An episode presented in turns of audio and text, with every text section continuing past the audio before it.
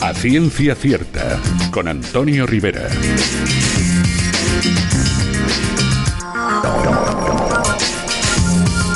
Hola, ¿qué tal queridos amigos? Bienvenidos todos a una nueva edición de A Ciencia Cierta, donde ya sabéis que tenemos un buen rato por delante para hablar y disfrutar de la ciencia. Os habla como cada semana Antonio Rivera y antes de empezar recordar brevemente las redes sociales del programa donde podéis interactuar con nosotros. Ya sabéis que estamos en Twitter en arroba ciencia cierta guion bajo y también estamos en Facebook en A Ciencia Cierta con Antonio Rivera. Recordaros también que si queréis escuchar todos los programas que hemos emitido hasta el momento, lo tenéis que hacer a través de la página o la aplicación de iVoox. Ya sabéis, iVoox con dos OEs. Y como siempre, agradecer por su colaboración a la Unidad de Cultura Científica de la Universidad de Valencia y a la Fundación Española para Ciencia y Tecnología. Y sin más dilación, gracias por estar ahí una semana más y comenzamos.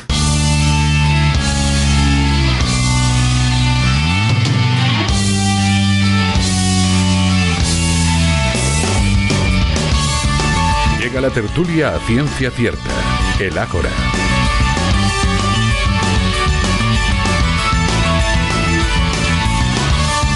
Sintonía del Ágora, sintonía de la tertulia aquí cada semana en la Ciencia Cierta y vamos a presentar rápidamente a los contertulios que me van a acompañar durante el programa de hoy.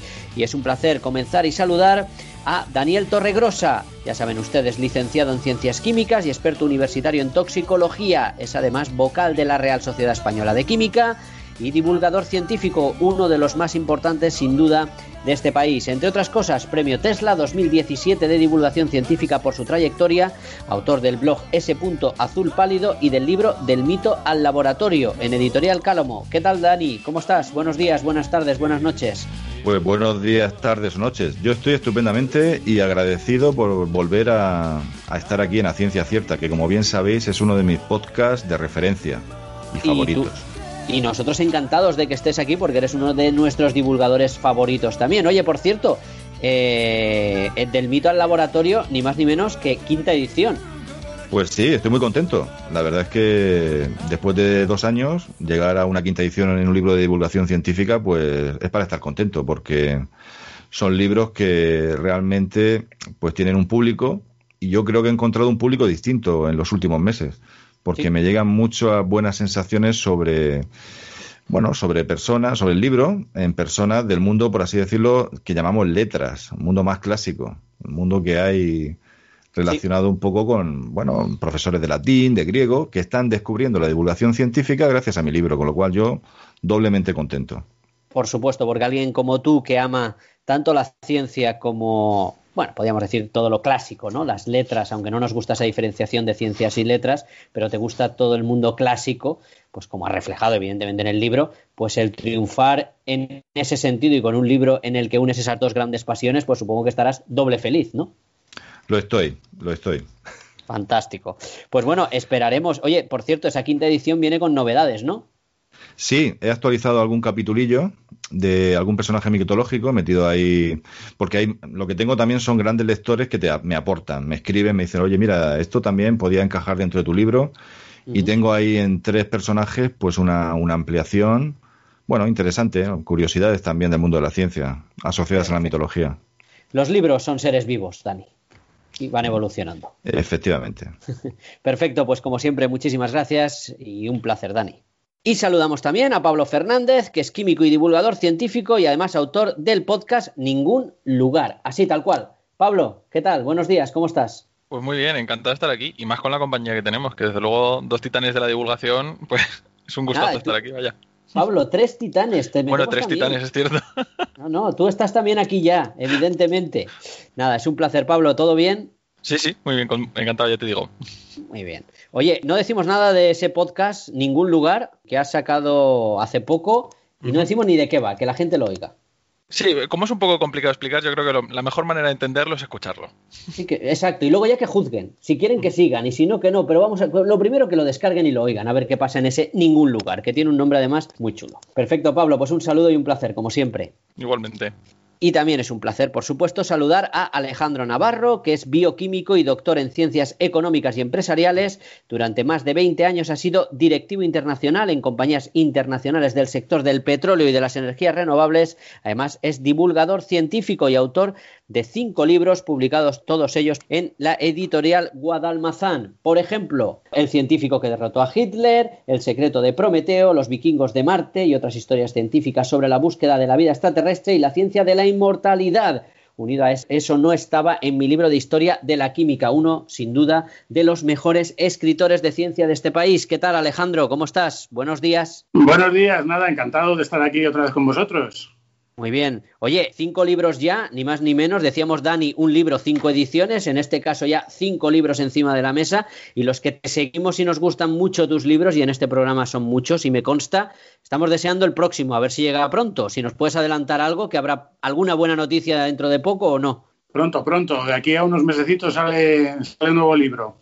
Ah, muy bien, muy bien. Pues ya nos has dado una alegría, Alejandro, porque disfrutamos mucho leyendo esas historias que siempre nos cuentas y de los cuales aprendemos siempre en tus libros y que no habíamos leído nunca y la forma en la que los cuentas. Así que un verdadero placer. Pues bueno, señores, vamos a meternos en harina y hoy vamos a hablar de una biografía, ni más ni menos que de Fritz Haber. Un químico con muchísimas aristas, uno de los personajes de la ciencia más complejos y que nos puede dar más juego a la hora de hacer un debate alrededor de él.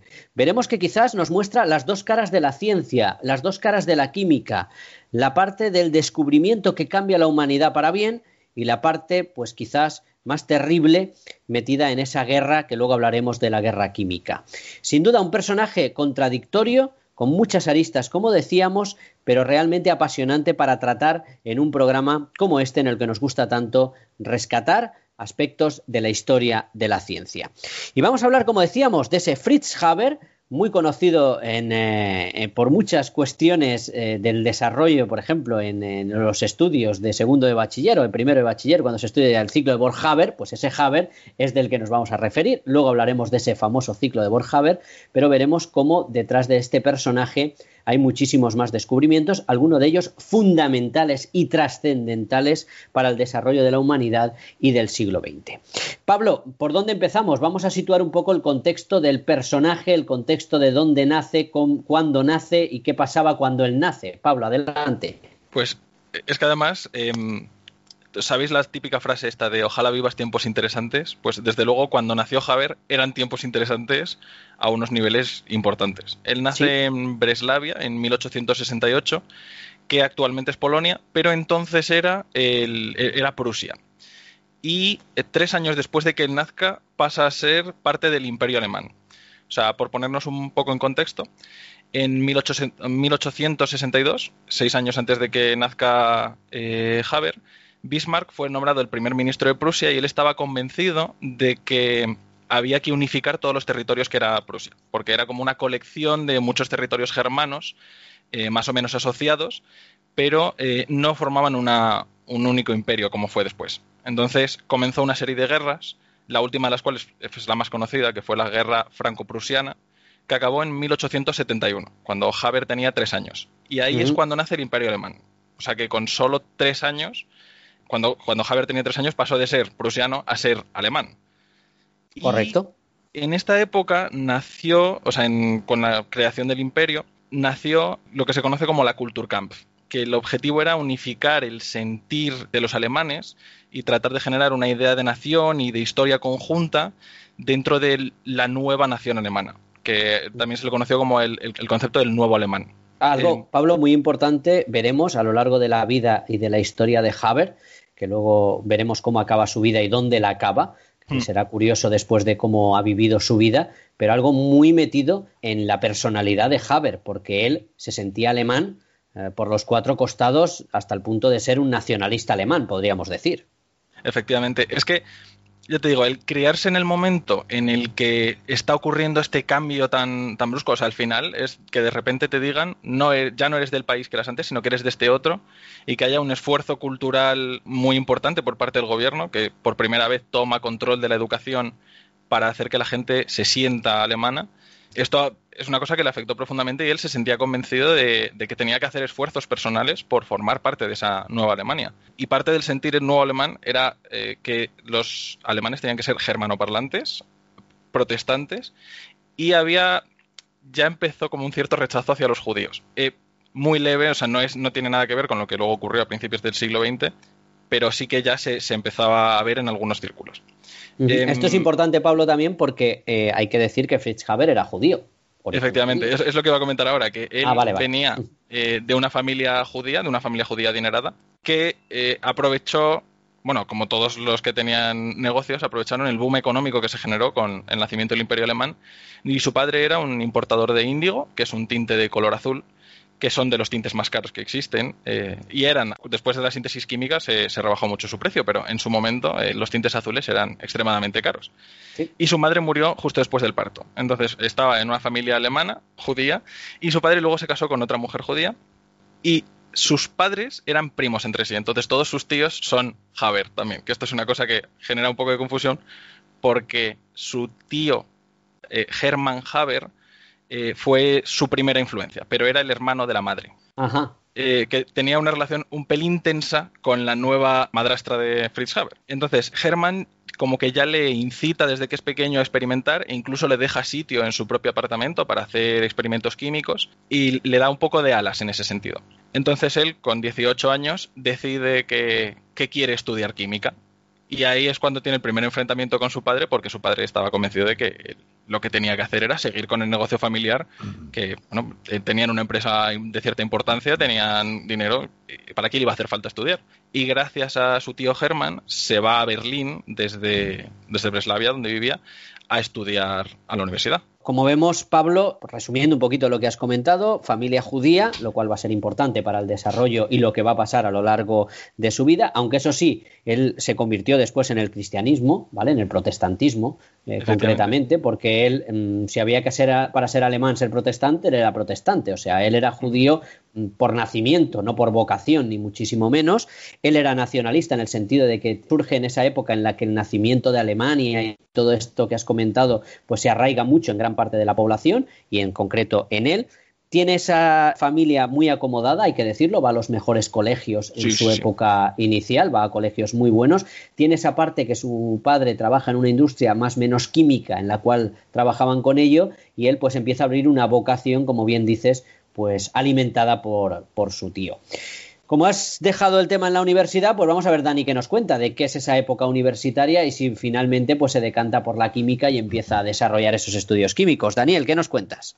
Bueno, como bien ha dicho Pablo, lo ha hecho estupendamente, Haber estaba en una situación muy interesante, vivía unos tiempos muy interesantes, y por ser judío más todavía, porque Haber fue de la primera generación de judíos prusianos en mil años que podía imaginar que su herencia como judío no crearía obstáculos insuperable. O sea, mm, veía que se habían roto unas barreras y de hecho, prácticamente cuando él empieza la universidad, pues se produce la abolición de todas las restricciones de los derechos civiles basados en la diferencia religiosa en, Alemania.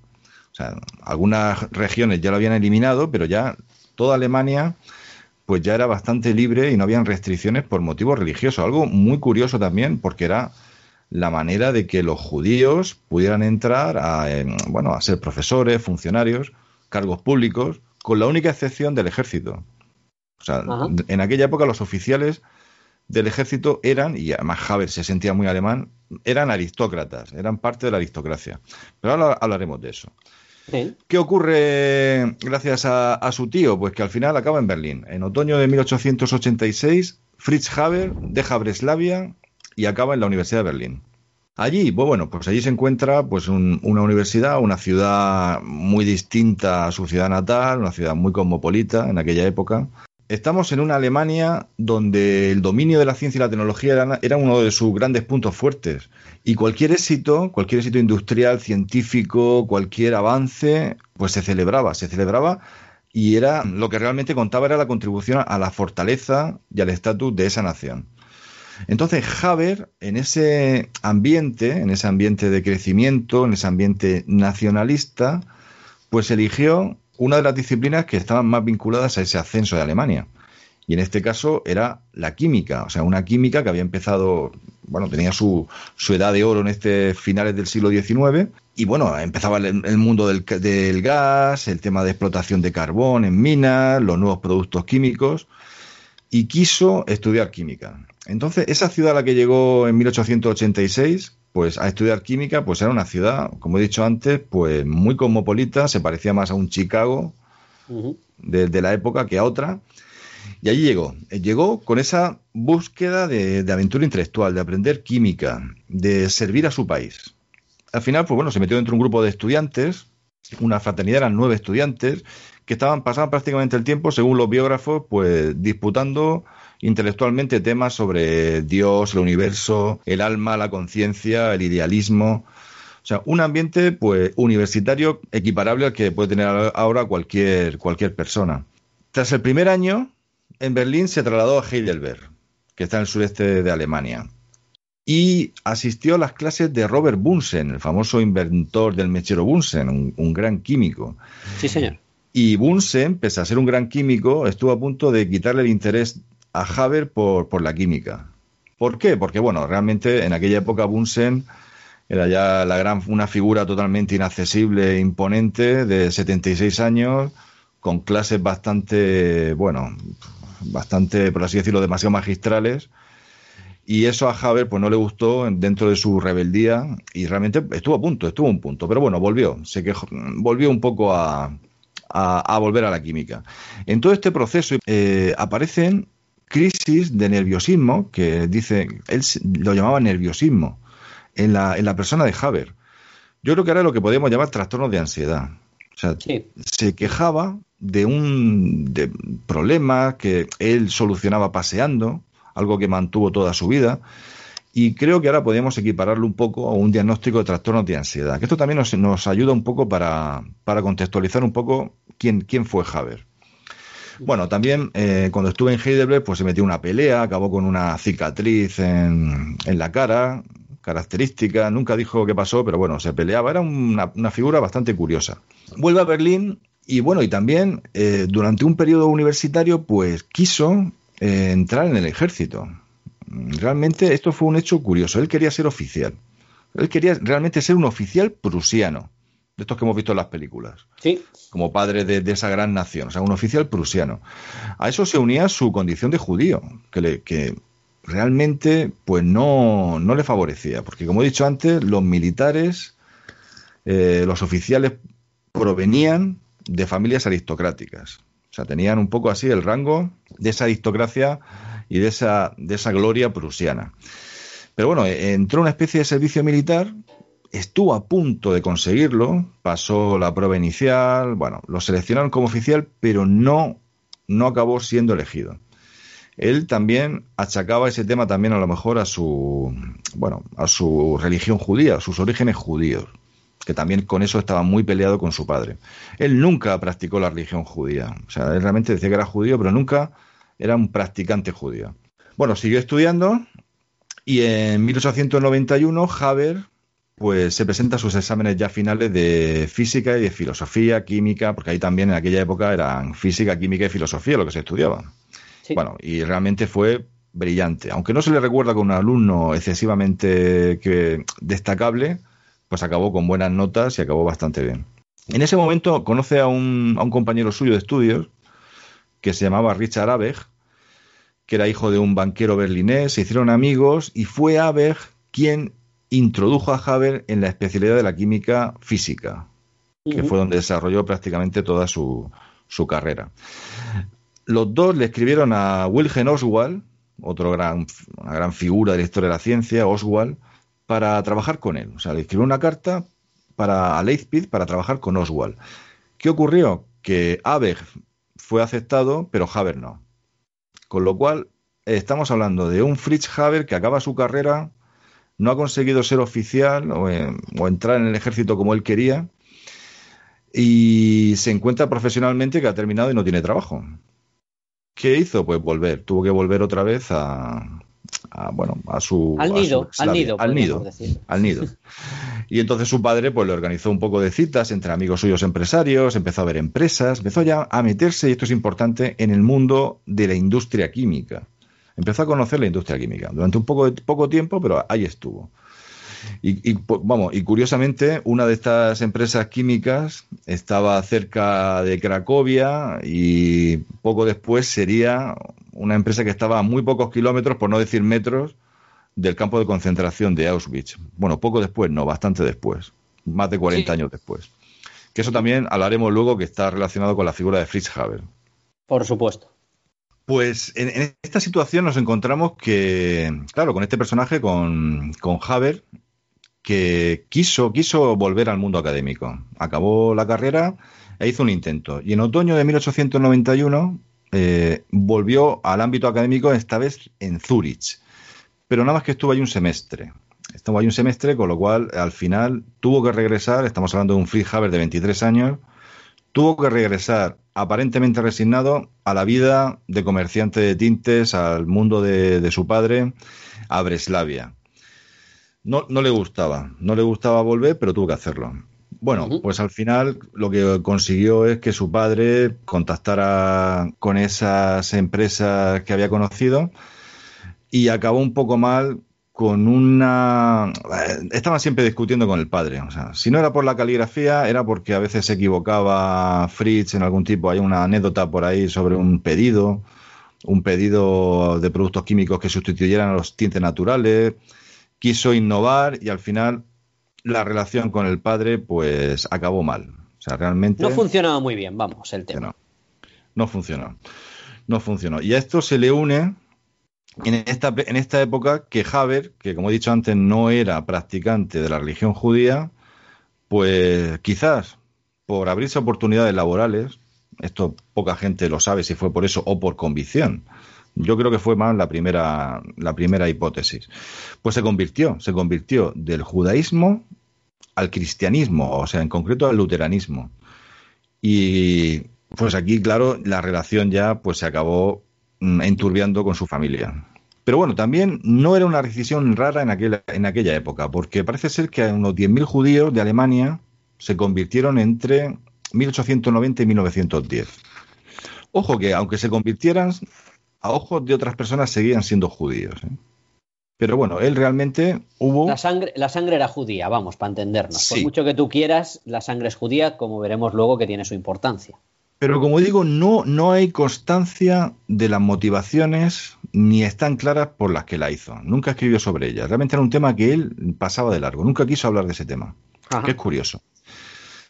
Rompió definitivamente con su padre y bueno, y al final se trasladó en 1894 a Karlsruhe, que es una ciudad alemana, al lado de, a lo largo del río Rin. Además, los que nos gusta la química, pues recordamos el famoso congreso de Karlsruhe, el de Carnizaro, y donde se habló del átomo, se separó, se separó el átomo de la molécula, empezó ahí pues bueno, todo se sentaron los bases, se, sentaron, las bases de la química, efectivamente. Creo que fue en 1860, creo que fue el, de, el Congreso de Karlsruhe, el primero, efectivamente, 1860. Ajá. Bueno, pues ya en Carruge, pues era un sitio pues, más favorable para Haber, o sea, y sobre todo con ventajas prácticas, porque entró en relaciones con una empresa que si os digo el nombre de completo a la gente no le sonará, pero las iniciales sí. Era la Basditch Annealing and Soda Fabric. B-A-S-F. La conocemos como BASF. La famosa BASF. Bastante conocida. Ah. Muchos de nosotros tenemos cintas de cassette por ahí todavía de esa marca. Bueno, pues ahí ya, pues ya entró en contacto con la con bueno con la química un poco más industrial, empezó a trabajar, empezó a visitar fábricas, empezó a formarse ya un nombre, hasta llegar a bueno llegar a, a formar. En ese momento fue ya casi cuando conoce a su mujer y ahora pasaremos a Alejandro a formar parte de lo que es el instituto que se llama ahora Haber y en su momento Instituto Guillermo, de tecnología, pero eso fue ya en la época antes de la guerra. Aquí lo dejamos. De todas formas, ahora pasamos evidentemente, pero en la Universidad de Karlsruhe estuvo pues bastantes años, hasta 1911 concretamente, estuvo eh, vinculado de una forma o de otra a esa universidad, ese instituto de tecnología y demás, y ahí desarrolló la primera gran parte de su trayectoria que ahora desarrollaremos evidentemente científica y simplemente matizar que en 1896 obtiene el título de doctor con una tesis sobre la descomposición y la combustión de hidrocarburos, que luego hablaremos que es pues donde se centra en sus primeros estudios. Y como decías, Dani, mm, contrae matrimonio en 1901. Alejandro, además, su mujer, pues bueno, tiene una trayectoria científica también reconocida, ¿verdad? Por lo menos al principio, eh, efectivamente. De, hecho, su mujer eh, se llamaba Clara Imerwar y que también era judía de ascendencia y fue la primera mujer que se doctoró en el mundo en la Universidad de Breslavia. La primera de todas. Era química también y, bueno, pues era un, era un, tenía un talento formidable, ¿no? Lo que pasa que ya sabéis que en aquella época pues eh, tener un talento formidable siendo mujer no, no significaba gran cosa, ¿no? Entonces, eh, ella, como os digo, bueno, era, era de origen de lo que ahora es Polonia, ¿no? Ella había, había nacido en, en lo que entonces era Prusia, ahora es Polonia, y como os digo, sus padres eran judíos, ¿no? Ella estudió en la Universidad de Breslavia y bueno, era muy, era una mujer muy independiente para la época, una mujer con muchísimo talento. Hizo un doctorado muy interesante sobre temas de solubilidad de metales como el mercurio, o sea, sales de mercurio, de cobre, de, zinc. Y, como os digo, fue la primera mujer que le dieron el doctorado, ¿no? De hecho, la dieron un magna cum laude y cuando defendió la tesis, eh, bueno, fue un, fue un, espectáculo ¿no? en, en, ese momento, con muchísimas mujeres asistiendo simplemente por el hecho de que de que había una mujer en la universidad que acababa de obtener un doctorado. ¿no?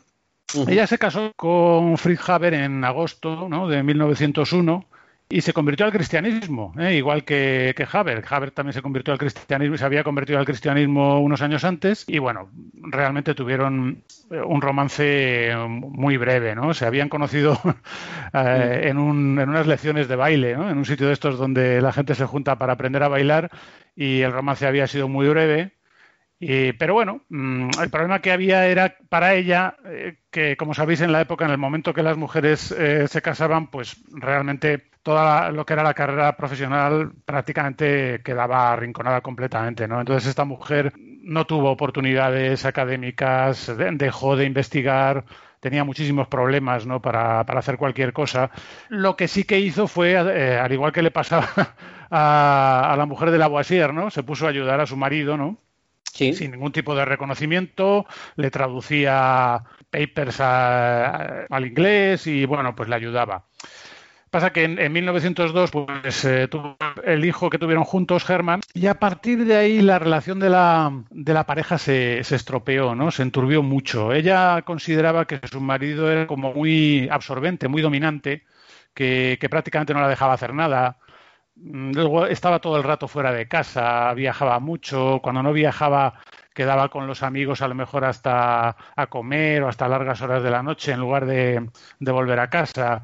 Ella, ella no se encontraba, se fue encontrando cada vez más a disgusto, ¿no? Cada vez más a disgusto. Ahora, claro, ya estamos entrando en el terreno de cercano a la Primera Guerra Mundial y todo el tema desembocó, por desgracia, pues eh, en que cuando ella vio eh, la actividad que tenía su marido relacionada con, el desarrollo de, armas químicas ¿no? y, de, gases tóxicos, pues verdaderamente se sintió muy mal. ¿no? Eh, ha, dejado, ha dejado escritos donde criticaba tremendamente a su marido, diciendo que la investigación de su marido era una perversión de los ideales científicos, era un signo de barbarie. Eh, de corrupción de una disciplina que tenía que estar hecha para, para otra cosa, ¿no? Y bueno, finalmente acabó suicidándose. Es un, es un evento muy poco claro. Se sabe que murió el 2 de mayo de 1915 eh, en los brazos de su hijo. Se disparó con una pistola, eh, aparentemente, ¿no? En el pecho, utilizando una pistola de Haber, que curiosamente, fijaros, Haber al día siguiente de morir su mujer se fue a supervisar el primer ataque con gas contra los rusos en el frente del Este. O sea, fijaros hasta qué punto la relación era extraña. Es decir, la, mujer murió un día y al día siguiente el marido no estaba, ¿no? De hecho, el, suicidio en sí fue muy, fue muy raro, ¿eh? estaba muy, muy envuelto en circunstancias un poco claras, ¿no? Porque fijaros que, por ejemplo, tardó casi una semana en salir en la noticia en un periódico local de, de poca monta, ¿no? Y de hecho no hay ninguna evidencia de que le hiciesen la autopsia. las circunstancias de su muerte están muy, por tanto, muy poco documentadas y, ha habido mucha discusión, ¿no? mucha controversia acerca de las razones. Eh, realmente la razón eh, que ha llegado a ser más conocida o que ha llegado a ser más admitida es la que os estaba comentando, ¿no? que, se encontraba tan, tan deprimida ¿no? por la participación de su marido en, en la guerra química que tomó la decisión de, suicidarse. ¿no? Mm al menos Alejandro es la hipótesis más comentada al respecto, ¿no? Es la, hipótesis más, eh, más habitual. No, no, sabemos si hubo alguna otra alguna otra razón por detrás. Su hijo siempre comentó que esta era la razón fundamental, que ella estaba completamente deprimida, ¿no? Por, por lo que estaba sucediendo. Dani. Y también es la causa de la leyenda negra sobre la figura de Haber. Sí, sí. Este hecho, ¿eh? O sea, este hecho ha llevado a Haber a tener una pues eso, una leyenda bastante negra. Sin duda, ahora comentaremos evidentemente todo el tema de la guerra química y demás, que es bastante negro en sí, pero evidentemente esto pues ayudó un poco a ensalzar y a desarrollar esa leyenda eh, con mucha parte de realidad, evidentemente, de este, de este personaje. Alejandro, ¿alguna cosa más querías comentar de esta relación turbia, extraña, que nos pone también un poco en contexto de cómo era en sí el personaje? Bueno, realmente eh, lo que puedo deciros es que a esta mujer, a Clara, siempre se la consideró una, una persona que estaba, que era una, una especie de activista, ¿no? por los derechos de la mujer, una pacifista. Entonces se cree que todo ese tipo de, de ideología que tenía contrastaba tanto con la con la actividad bélica, entre comillas, de, de su entorno, que es lo que la provocó el desequilibrio final, ¿no? Pablo. Es que además hay que tener en cuenta que ella, que era una pacifista, eh, cuando empezó toda la tensión que acabó desembocando en la Primera Guerra Mundial, en la Gran Guerra, como se le llamaba entonces, eh, Haber se puso con un grupo importante de intelectuales hicieron un manifiesto a favor de la guerra. Entonces él, él insistía, él consideraba que bueno era el derecho de Alemania de, llevar a cabo esa guerra y, entre, otras cosas, ya te digo, firmó este manifiesto y se, se puso enseguida con la intención de trabajar en el ejército. Aunque también es cierto que, con, lo que decía Dani de, la leyenda negra, eh, Haber defendió después que él se fue al día siguiente de la muerte de Clara porque le llamaron a, filas, porque al fin y al cabo los, el, primer ataque con armas químicas eh, había sido desarrollado en base a experimentos suyos y era, digamos, la persona que, que tenía el conocimiento a ese respecto. Entonces de hecho, es una situación muy complicada. Claro, y de hecho hay también eh, hay gente y otras teorías que dicen que realmente el motivo de la grave depresión de, Clara no era tanto eh, las actividades de su marido, que también, sino el hecho de que eh, desde el punto de vista intelectual había perdido cualquier tipo de, de incentivo. Era una mujer brillantísima que mm, directamente por causa de las bueno de las restricciones que había en la época vosotros pensar que hasta 1900 es que estaba prohibido que las mujeres estudiasen en las universidades alemanas. Directamente no podían ni entrar.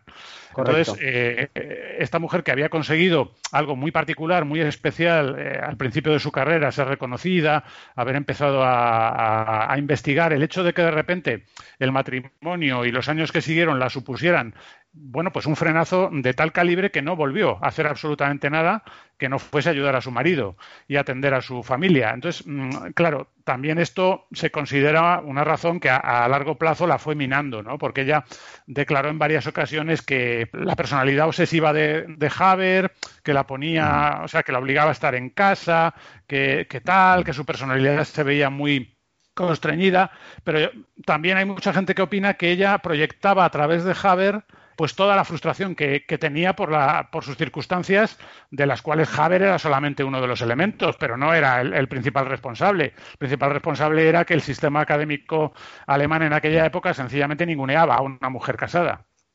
Quién sabe, vaya usted a saber al final, son la suma de muchas causas probablemente lo que lleva a una situación así. Daniel. Y por añadir, por añadir más, porque el tema es muy complejo de verdad y tenemos pocos datos, por añadir más datos, también hay que indicar que familiares de Clara también se suicidaron, varios primos y, tenía cerca familiares, y el hijo, Germán, el hijo de Clara y de Fritz, se suicidó en 1946 también.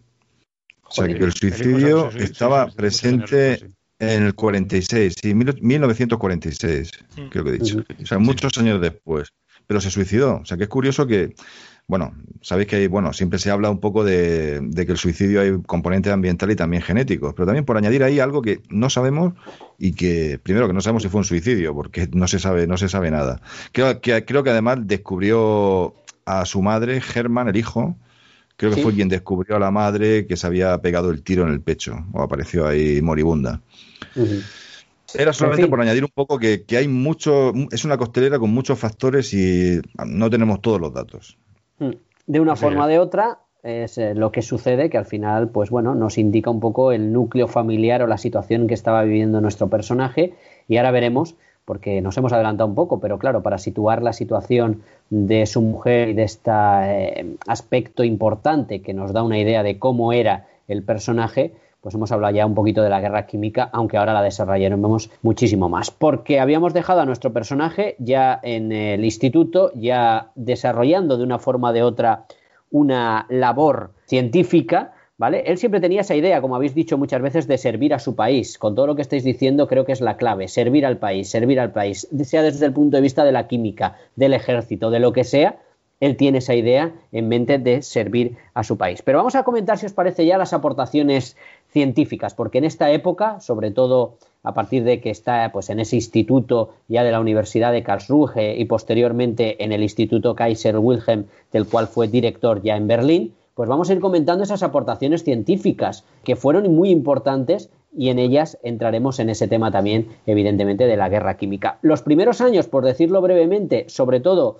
hay trabajos relacionados con la descomposición y combustión del petróleo, de los hidrocarburos. De hecho, su tesis mm, versa sobre ello y tiene un pequeño libro en el que están sus lecciones eh, recopiladas acerca de ello. Fijémonos que él en este aspecto siempre piensa en mejorar esa combustión, mejorar ese tratamiento del petróleo para obtener un mejor rendimiento, ¿no? Para, para todos los procesos que se llevaban a cabo con el petróleo. También hace estudios de electroquímica, desarrolla mucho la electrólisis de las sales e inventa el electrodo de vidrio en esa época.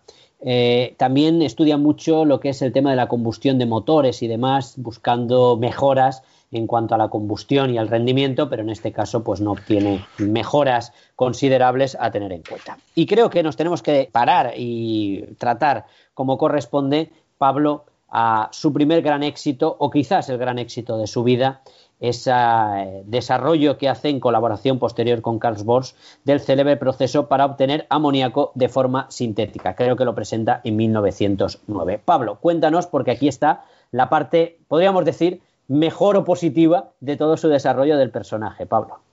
Efectivamente, em, el, proceso Haber-Bosch, o sea, solo por poner en situación de la importancia que tiene, ahora mismo no solo consume una cantidad de energía inmensa en relación a la energía que se consume en el mundo, sino que además es el proceso que ha alimentado a la humanidad desde que se mm, convirtió en una cosa extendida a nivel mundial. O sea, se utiliza para conseguir los fertilizantes y se estima que aproximadamente uno de cada cuatro átomos de nitrógeno de que tenemos en nosotros, los seres humanos, proviene de este proceso industrial. O sea que... Casi nada, ojo, ojo al dato. Uno de cada cuatro átomos de nitrógeno que tenemos se ha fabricado, se ha fabricado, perdón, el átomo no se ha fabricado, sino que proviene de algún compuesto fabricado por este método.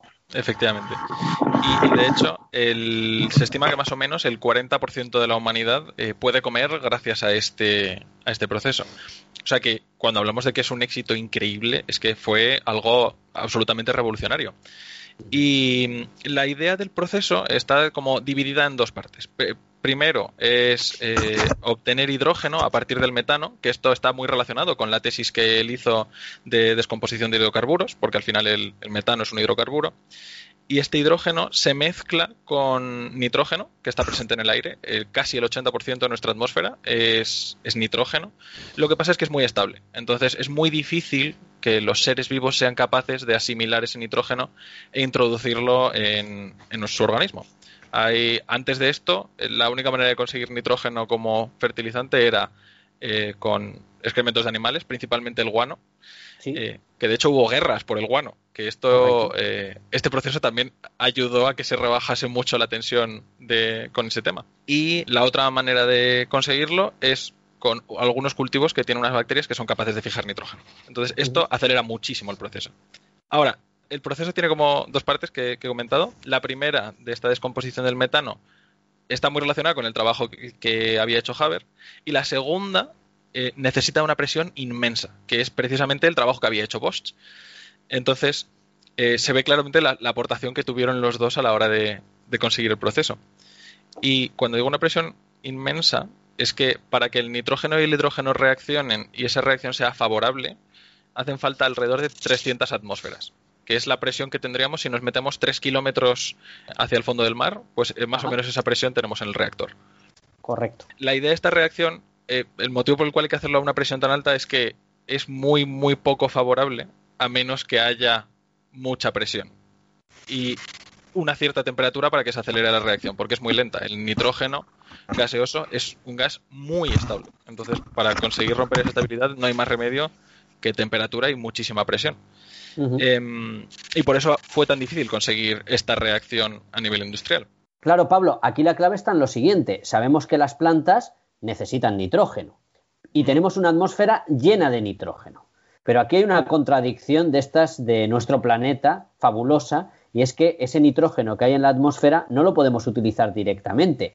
Es un compuesto realmente estable, ese triple enlace en la molécula entre los dos átomos de nitrógeno hace que sea muy difícil extraerlo y utilizarlo de la atmósfera. Hay unas bacterias en el suelo que son capaces de sintetizarlo, utilizarlo y producir nitratos, amoníaco y demás, que es lo que realmente la planta coge. La planta no utiliza el nitrógeno de la atmósfera. Entonces, claro, aquí teníamos un problema muy grave, que faltaba alimentos para las plantas, dicho de una forma o de otra. Aquel que consiguiera fabricar o conseguir amoníaco de forma artificial, podríamos decir, pues sería fundamental a la hora de, dar de comer, ¿verdad, Alejandro? Pues es que eh, estaba escuchando la explicación magistral de Pablo y me han venido a la cabeza unas cuantas anécdotas relacionadas con todo este asunto del desarrollo del proceso Haber-Bosch. Porque, eh, como siempre, poniendo las cosas en, el contexto, te das cuenta de cómo a veces la presión que hay de todo tipo, política, internacional, económica, hace que se llegue a un momento en el que, de alguna manera, todas las, cartas están sobre la mesa para que alguien dé el paso definitivo. Fijaros si era importante este asunto de tratar de buscar a toda costa fertilizantes para poder sustentar el, incremento de población que se venía produciendo a partir de la revolución industrial, que cuando se descubrieron estas eh, montañas de guano, de caca de pájaro, ¿no? que había en, las islas del Pacífico, los Estados Unidos llegaron a aprobar una ley que se llamaba la Guano Island Act, por la que se permitía que cualquier ciudadano estadounidense pudiese apropiarse de una de estas islas con tal de que explotase el guano hasta el punto de que quedan 12. Hoy en día quedan 12 islas legalmente propiedad de ciudadanos norteamericanos para explotar el guano, aunque ya nadie lo, explota realmente, ¿no? A nivel industrial. Y luego fijaros lo que pasó. Aquí también en, el, en el desarrollo del proceso Haber-Bosch hay también un componente, si queréis, geopolítico. Eh, hemos dicho que Haber era bastante nacionalista, era una persona que, que realmente eh, miraba por el futuro de su país. El guano fue sustituido poco a poco a, finales del siglo XIX, en la segunda mitad del siglo XIX, como fuente de suministro de, nitratos por el nitrato de Chile, el famoso nitrato de Chile. ¿eh? ¿Qué pasaba? Que la mayor parte del nitrato de Chile estaba controlado por compañías británicas. Entonces, muchos químicos alemanes, entre ellos Bosch, que tenía ese alma un poco nacionalista, buscaban por todos los medios una alternativa ¿eh? al nitrato de Chile porque en caso de que hubiera un conflicto bélico, por ejemplo, evidentemente todo el nitrato iba a estar en manos de los, de los británicos. ¿eh?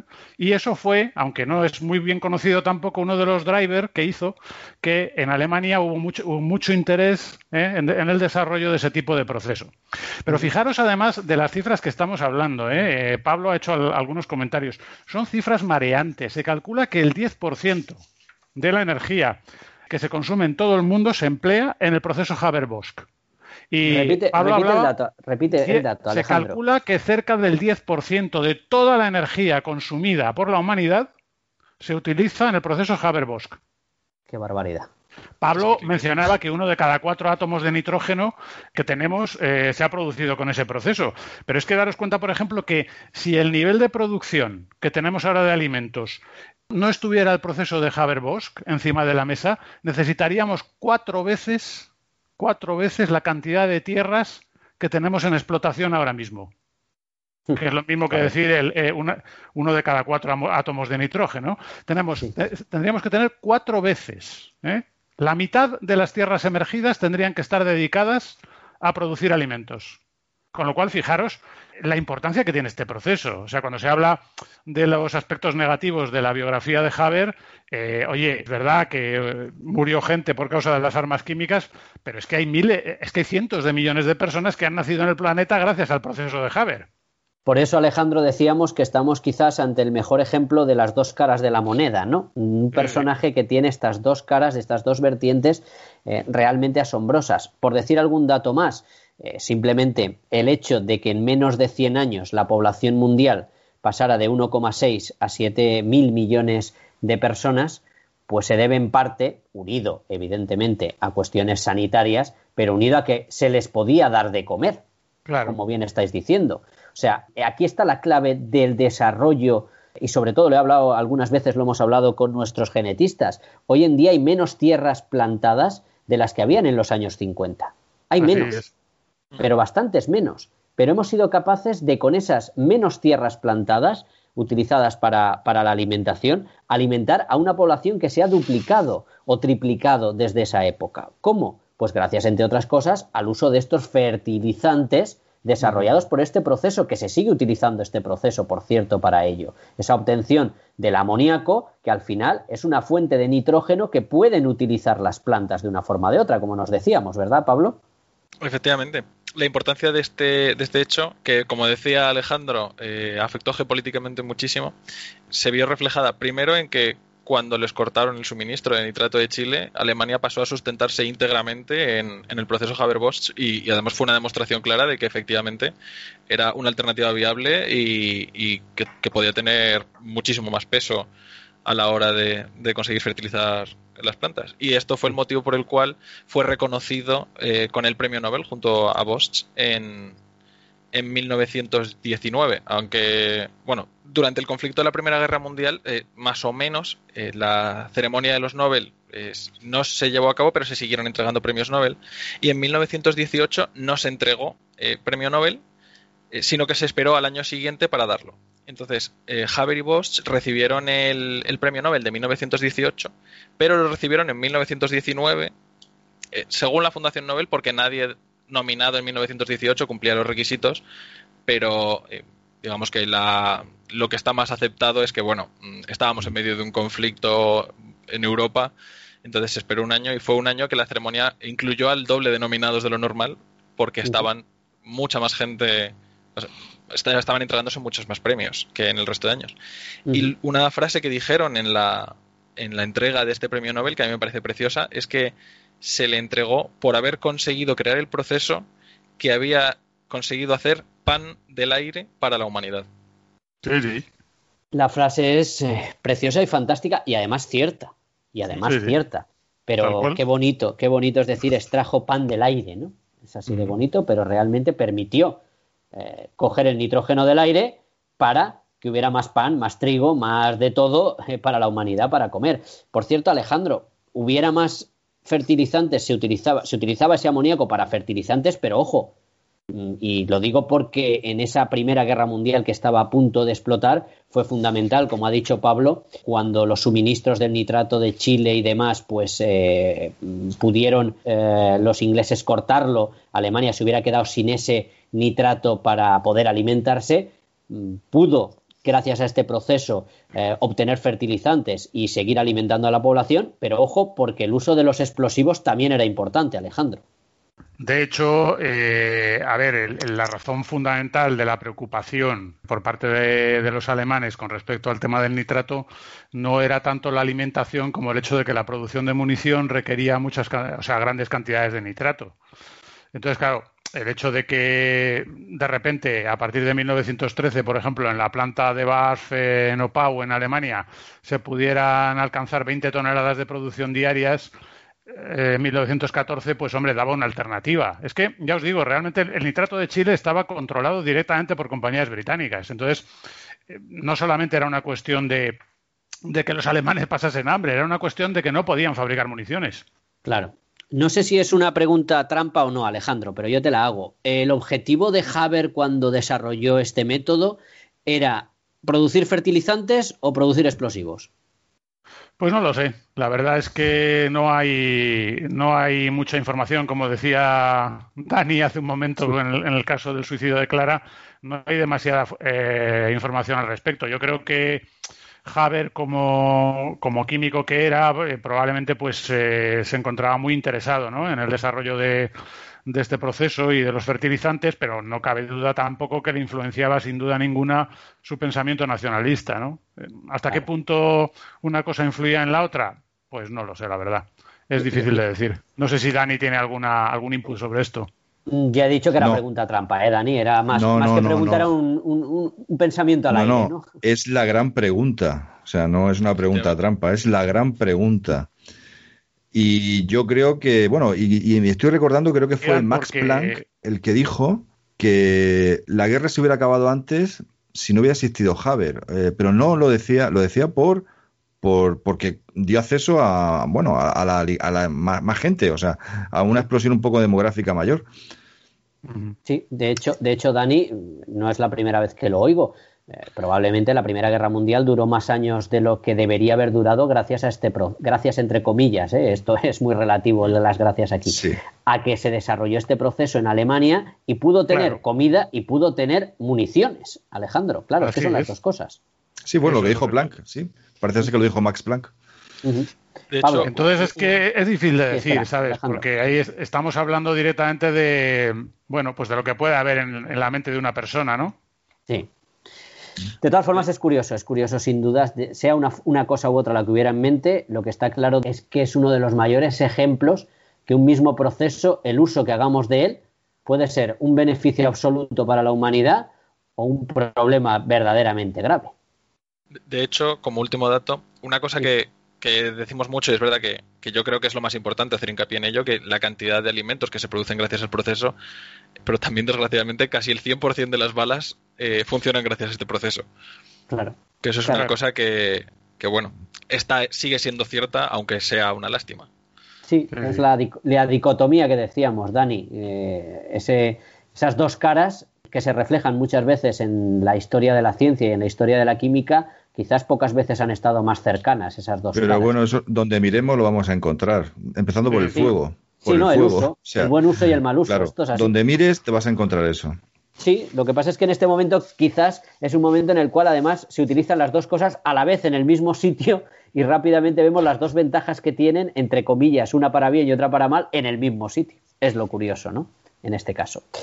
En fin, de una forma o de otra, le debemos evidentemente muchísimo a este método que desarrolló Haber unido con, con, Bosch, con ese desarrollo que también hizo Bosch debido a lo de las presiones, como decía Pablo, que necesitaban. Un proceso que, como decía Pablo, necesitaba presiones elevadas, temperaturas elevadas y catalizadores que aceleraran y permitieran producir esa reacción para sintetizar y obtener ese amoníaco con el cual pues producir fertilizantes y además, como hemos visto, también explosivos. Este desarrollo pues le sirvió ni más ni menos, como decíais, para ganar el premio Nobel de 1918, ese premio Nobel de Química, y ser reconocido como uno de los grandes químicos del momento. Y como nuestro personaje no se podía quedar ahí en esa doble cara y tenía que sacar otras dobles caras y otras caras bastante oscuras, pues ahora veremos después de la pausa cómo a lo largo de la guerra mundial que hemos comentado ya, pues desarrolló otras muchas cosas. Volvemos ahora mismo a la ciencia cierta y seguimos hablando de este personaje Fritz Haber.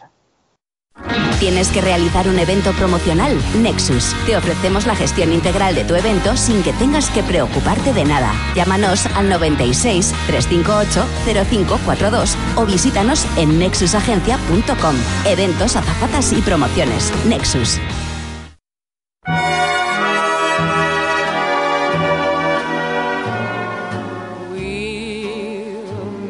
Again. Don't know where, don't know when, but I know we'll meet again some sunny day.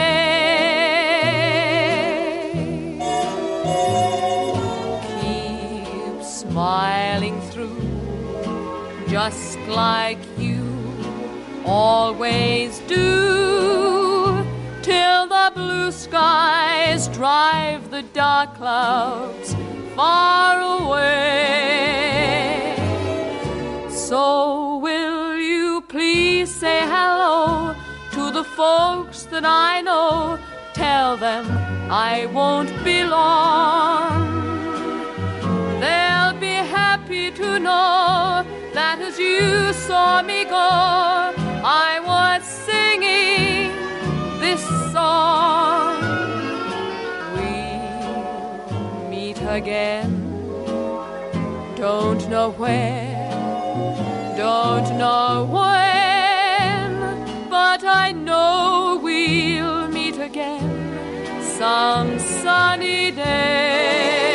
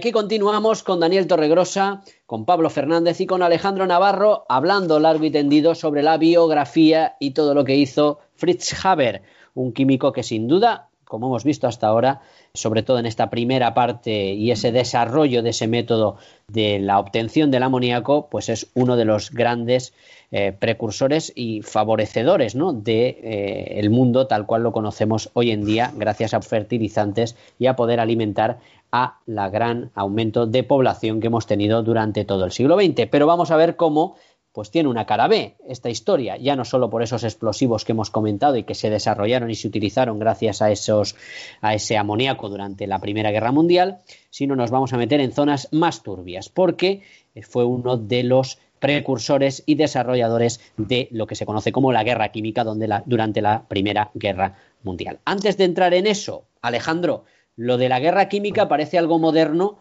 pero si miramos a lo largo de la historia y en épocas de guerra, pues el utilizar un poco la química de una forma o de otra no es algo nuevo, ni muchísimo menos. No, no, ni muchísimo menos. Se sabe que, por ejemplo, los chinos ya antes de Jesucristo hacían cosas de estas, ¿no? Intentaban tirar eh, sustancias ponzoñosas por encima de las murallas, ¿no? Para asustar a los defensores. Tenemos, por ejemplo, un, caso, el caso más antiguo, la prueba arqueológica más antigua que tenemos es en un, una antigua ciudad eh, de Oriente Medio que se llama Dura Europos, donde se han encontrado los restos de un ataque químico de los persas eh, contra los legionarios romanos, en el transcurso del cual murieron 14 legionarios y el persa que puso el, el producto, ¿no? Que era un producto de azufre. Se provocó una nube tóxica donde murieron, con lo cual, pues como ves, hay, hay ciertos antecedentes, ¿no?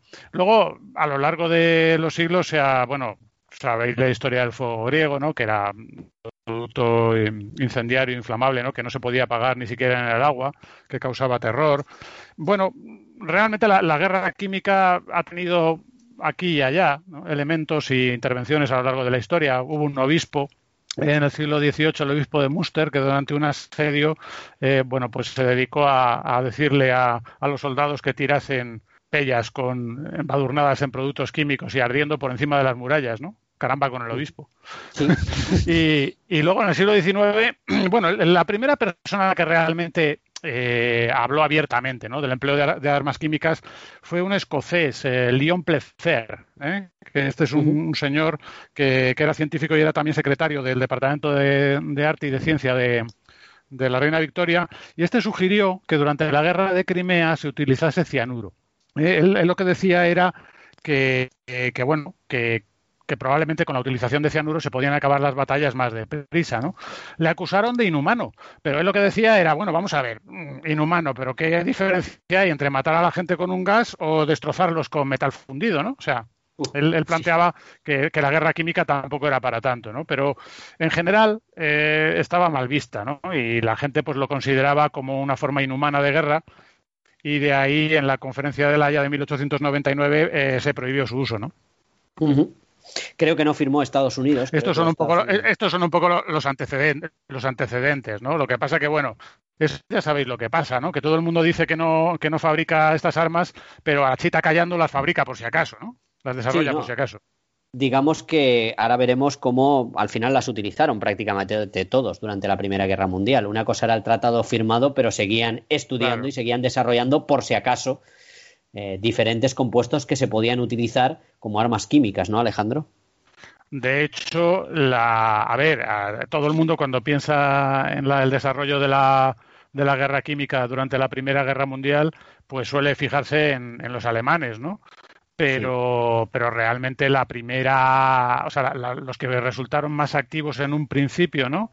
En el tema de la guerra química, fueron los franceses. Premio Nobel, eh, Grignard que bueno, que, fue uno de los primeros que, empezaron a, dedicarse a este tema, ¿no? ¿no? podemos decir solamente que fueron los alemanes. Los alemanes en realidad lo que hicieron fue competir con los aliados.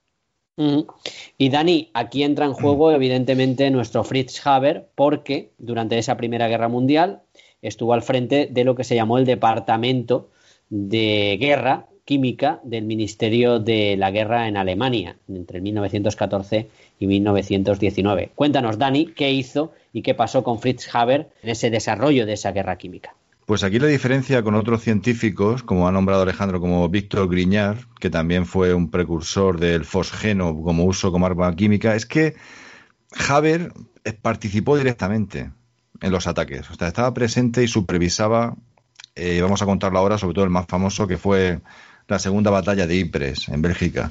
Entonces, esta leyenda negra, que si queréis luego al final hablamos sobre Javes, si la merece o no la merece, también eh, este punto oscuro era que él participaba mm, sin ser oficial, que luego lo nombraron capitán, sin ser todavía, a raíz de este éxito lo nombraron capitán, sin ser oficial, sin ser militar, participó, participó directamente en un, en un acto de guerra. No podía decir Dani que él no sabía lo que se hacía con ello.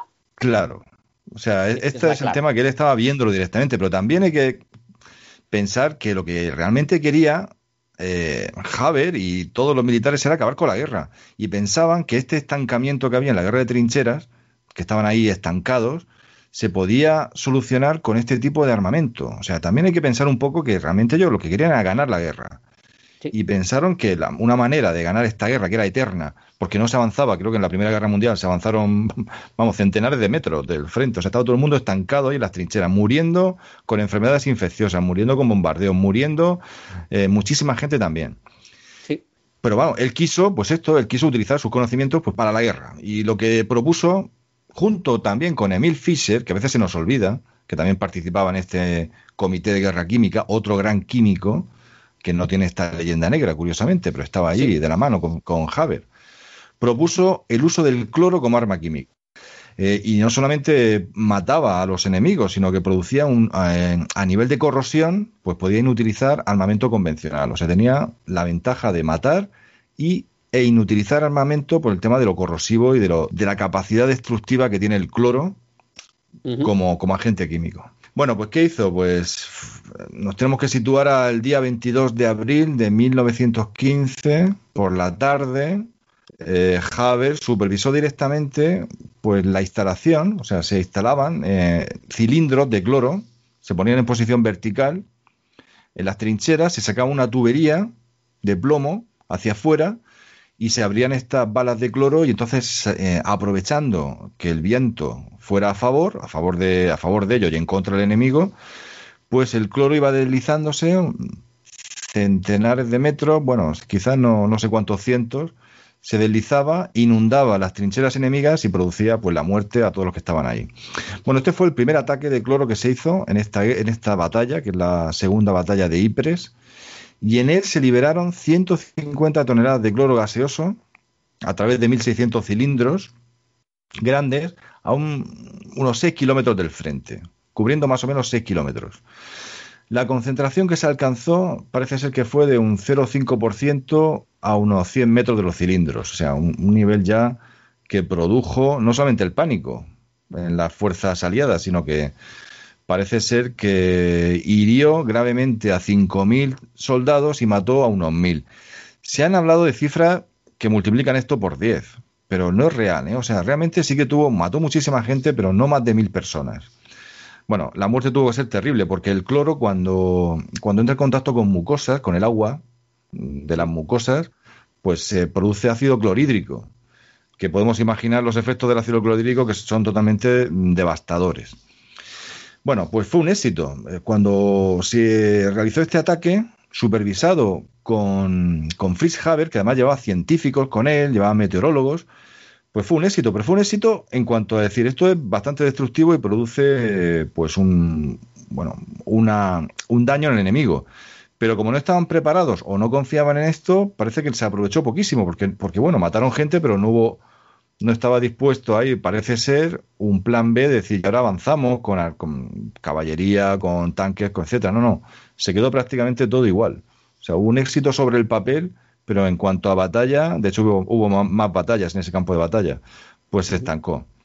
Y a raíz también de esta innovación, que tampoco es algo nuevo en el mundo de la, de la guerra química, pues claro, pensó Haber que, claro, al final dice todos utilizamos, van a utilizar armas químicas. Entonces empezó a investigar en lo que era la protección. O sea, la protección con máscaras de, de seguridad y filtros que filtraran el tipo de, bueno, de agente químico que podía ser peligroso.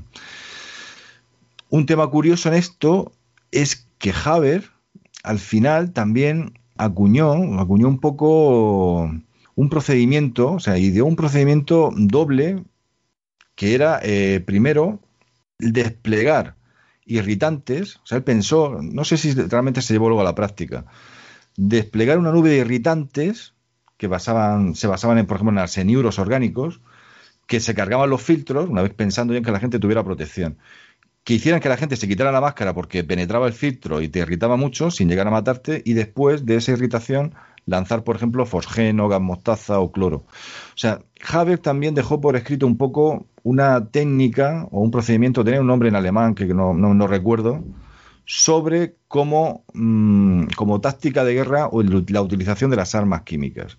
O sea, es bastante curioso cómo él realmente luego pues dejó por escrito su fascinación por estas posibilidades tácticas, esta imaginación que él tenía para compaginar la, guerra química con la guerra convencional. Es algo bastante curioso. Y nunca, realmente él nunca lamentó su participación en esta guerra química. O sea, él se justificaba diciendo que, vamos, que él lo que quería era eh, acabar con la guerra. Él quería acabar con la guerra y por qué, como decía antes también, o han dicho otros, ¿por qué diferencia hay entre esto a nivel de inhumano o en, reventar a una persona con metal fundido, por ejemplo, como decíamos, por utilizar una, analogía de la química.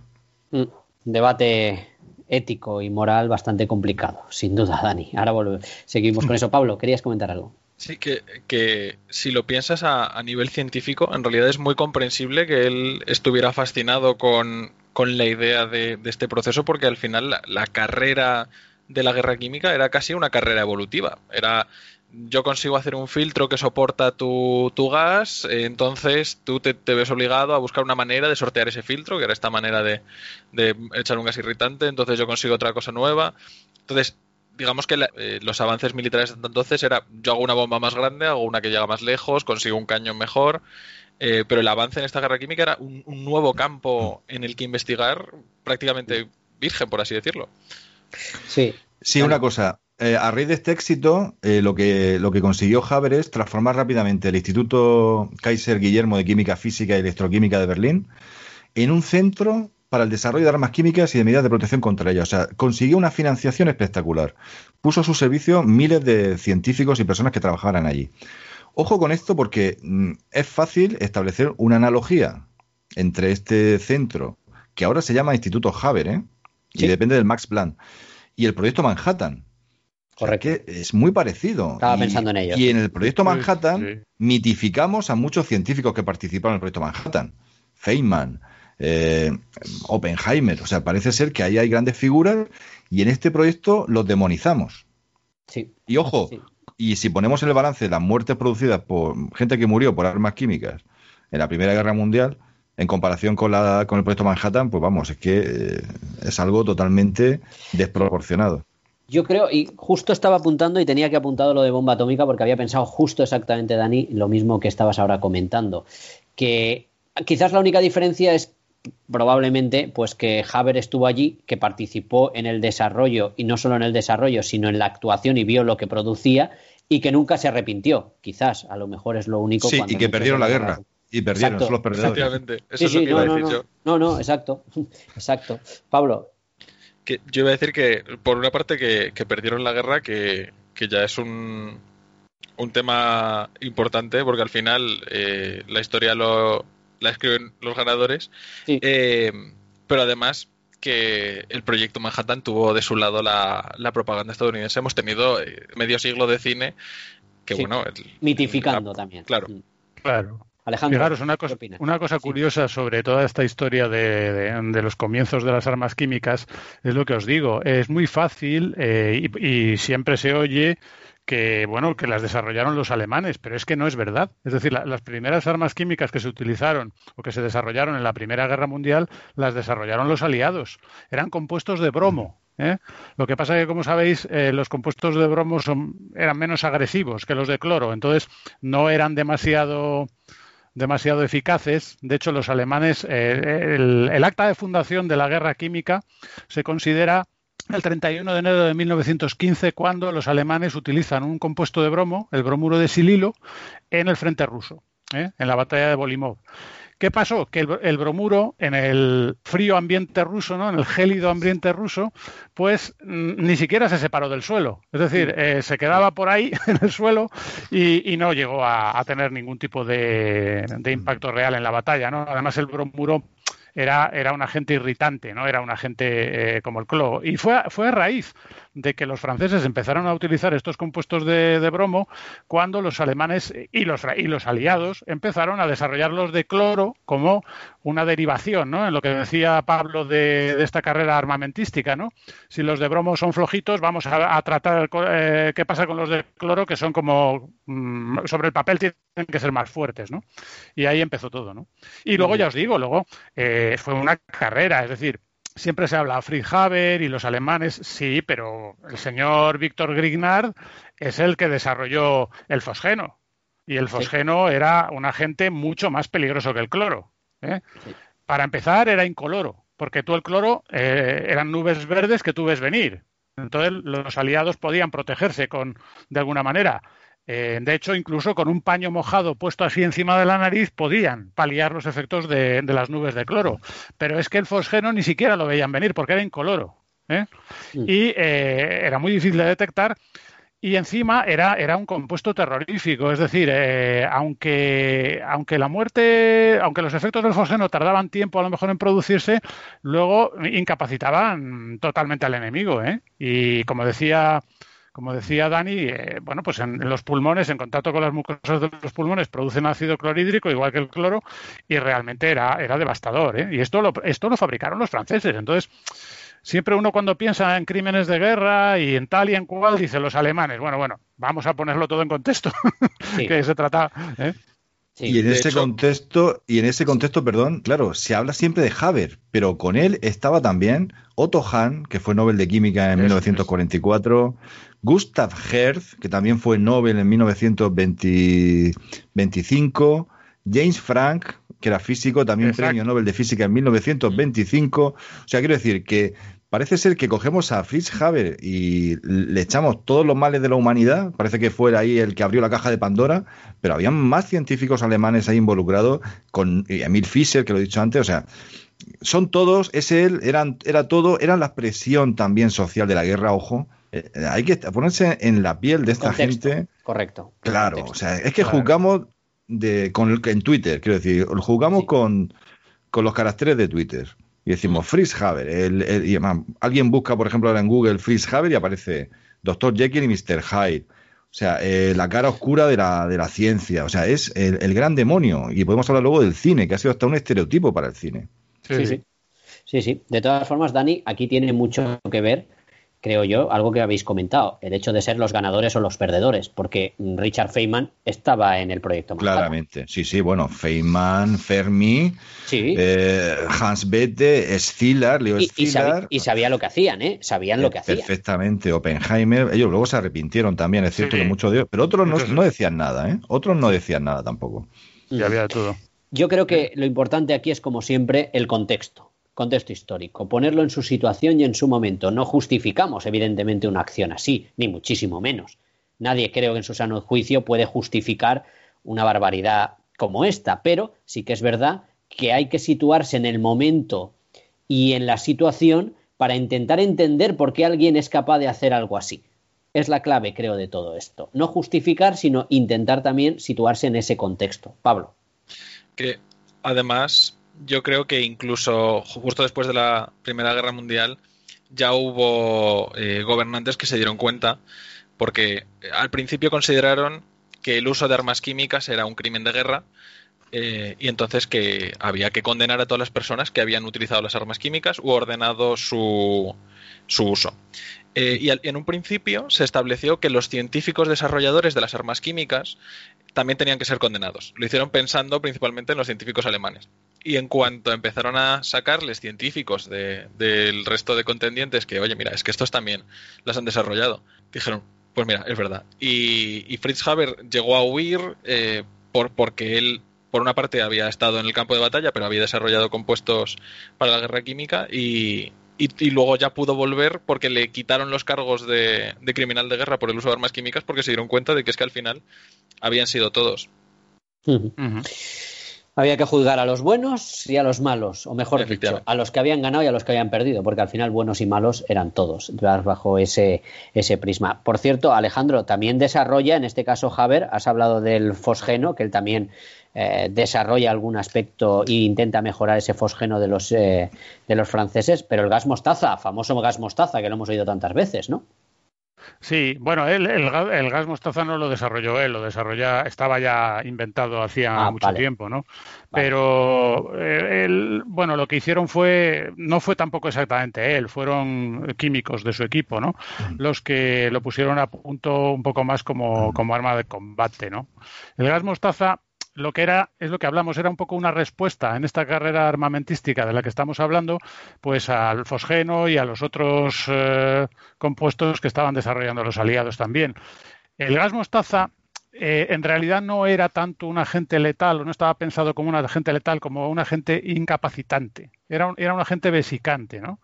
Y la idea era un poco incapacitar a los ataques del enemigo a pesar de lo cual los efectos que tenían eran, terribles, ¿no? Los, alemanes lo, disparaban con unos proyectiles de artillería, ¿no? Eh, que hacían que, bueno, que al, explosionar eh, el gas mostaza se extendía como un líquido, ¿no? En, que se evaporaba muy despacito y lo que hacía era que contaminaba todo el campo de batalla de manera que entorpecía mucho el, movimiento de las tropas. Provocaba quemaduras, luego también es Estamos hablando de la mostaza sulfurada, ¿eh? porque luego ha habido las, se desarrollaron después en los años 20 y 30 las mostazas nitrogenadas. Esta es la mostaza sulfurada, que fue la que se usó en la, en la Primera Guerra Mundial. Pero bueno, pues es, se puede decir que, era, que fue el más elaborado de los gases que se produjeron en, la Primera Guerra, en la Gran Guerra, sí. Por ir terminando con esta parte de la guerra, decir, Pablo, que él, ese patriotismo que hemos hablado a lo largo del programa, claro, en épocas de guerra es cuando más se manifiesta de una forma o de otra. Y él estaba a favor de esa guerra. Él quería que se produjera esa guerra y evidentemente intentar ganar esa guerra. No era un pacifista ni muchísimo menos en ese sentido. Si había que hacer una guerra, había que hacerla. Pablo.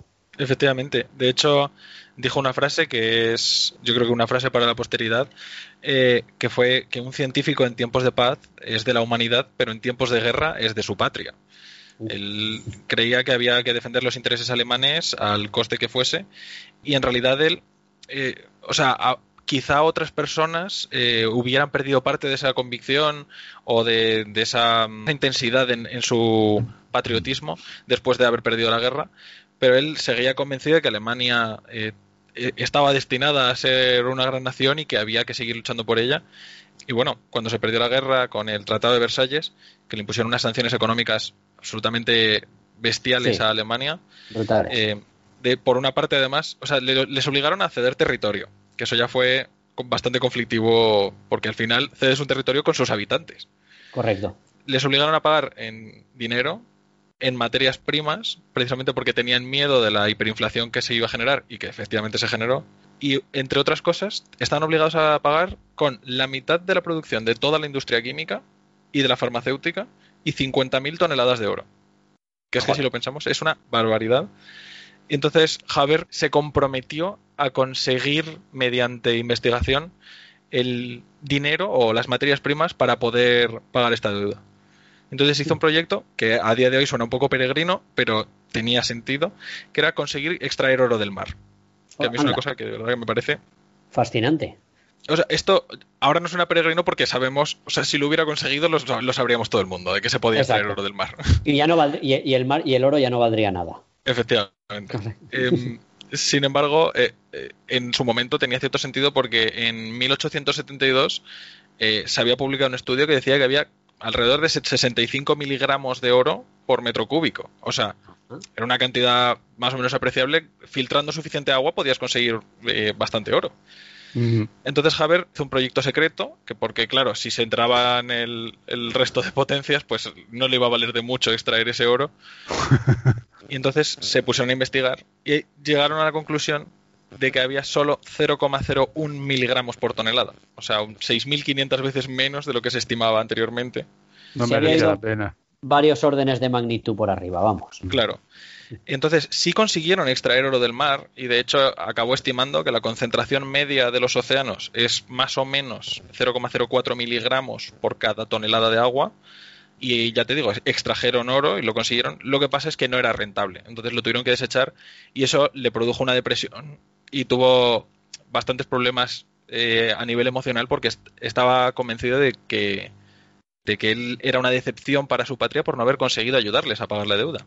Claro, es que volvemos a lo mismo, Pablo, que habíamos dicho, y es un poco el leitmotiv, un poco de su vida, mm, que estaba continuamente la obsesión de servir a su país, y lo hemos visto a lo largo del programa, desde el punto de vista químico, desde el punto de vista eh, del ejército, y ahora desde el punto de vista de que su país había perdido la guerra, eh, su país tenía que pagar unas abusivas cláusulas por haber desarrollado y haber perdido esa guerra, y ahí está Haber diciendo, vamos a intentar buscar dinero de donde sea, Pablo. Es que además dijeron, como último apunte, en el Tratado de Versalles se consideró que Alemania era la única responsable del conflicto de la Primera Guerra Mundial y el imperio alemán con todo el territorio de Prusia se disolvió durante la Primera Guerra Mundial. Entonces, de todos los territorios que habían estado en su bando, de repente se quedó solo Alemania como única culpable. Claro. Siempre se ha dicho que la Segunda Guerra Mundial es consecuencia de ese mal final que tuvo en estos términos la Primera Guerra Mundial. Alejandro. Una, una cuestión curiosa, porque es muy interesante este, este tema que, que, está comentando Pablo acerca de las actividades de Haber entre guerras. Estas actividades son menos conocidas ¿no? que, que, todo lo que hemos comentado de la Primera Guerra Mundial, pero son muy interesantes. Y está el tema del oro, que es fascinante, pero hay, no hay mucha gente que sabe que eh, a pesar del Tratado de Versalles y a pesar de todo, los alemanes mantuvieron un programa secreto de desarrollo de armas químicas durante los años 20. Este programa estaba dirigido por un químico alemán llamado Hugo Stolzenberg y eh, era completamente, eh, vamos, más, más secreto no podía ser, porque claro, en cuanto los aliados se enterasen se armaba la de Dios, ¿no? Sí, no estaba el patio, no estaba el no estaba, no estaba el patio como para decirles a los aliados que estábamos investigando armas químicas en secreto. Pero Haber participó en este, fue reclutado para participar en este proyecto debido a su, a su experiencia, ¿no? Y se sabe que incluso llegó a, a participar como consultor ayudando a, a los rusos y a los españoles, que los españoles estaban interesados en el tema de las armas químicas por la guerra de Marruecos, a desarrollar armas químicas. Qué bueno. Se sabe que estuvo involucrado. ¿eh? Pero todo el tema está cubierto por una, un velo de, de absoluto. Sí. ¿Sabes? Sí, no, era la época de entreguerras en las cuales, como decimos, pues en Alemania pues se pasó muy mal, se pasó muy mal en Alemania por cómo se había terminado esa Primera Guerra Mundial y los eh, bueno, pues las cláusulas, lo que había que pagar, la hiperinflación de los años siguientes y que fue el caldo de cultivo pues de ese nacionalismo que todo Sí. el mundo sabe que surgió en los años siguientes. Pero es curioso, no conocía esa historia de que hasta los españoles estábamos por ahí queriendo saber ahí, algo de, ahí, de- de- de armas químicas. ¿no? Y utiliza, la utilizamos, ¿eh? Se utilizaron en Marruecos las armas químicas, ¿eh? Sí, ¿Ah, sí. sí, Dani? Sí, sí, sí, sí. En 1924 con gas mostaza. Vaya. Con aviones, sí, sí. Cuando estaba ya, pro- ya, ya la prohibición era del protocolo de Ginebra, incluso, ya no era la Haya. O sea, que quiero decir que aquí todos tenemos aquí... libre de pecado, ¿no? Exacto, No, todos tenemos ya- que callarnos. Sí. Por- por cierto, Eso es lo que se dice que- siempre, ¿no? Todo, todo el mundo firma los tratados, pero todo el mundo a la chita callando hace algo por si acaso tiene que pecar, ¿no? Por si acaso- Claro, Ale- Alejandro, pero además se pone la excusa de por si acaso los demás lo hacen. Eso es. Claro, Eso yo es. voy a desarrollar por si acaso eh, armas químicas, por si acaso otros lo están haciendo y al final lo que hacen es hacerlo todos, que es el Ah, problema. así es. Y creo que a Stolzenberg lo hicieron luego español. Ojo, Anda, Joder, creo que luego sí. Luego leí una no nacionalidad española. O sea que, sí, sí, sí. O sea que, bueno, que aquí el tema da para mucho, ¿eh? para Ah, para- muchísimo, Bueno, sin duda.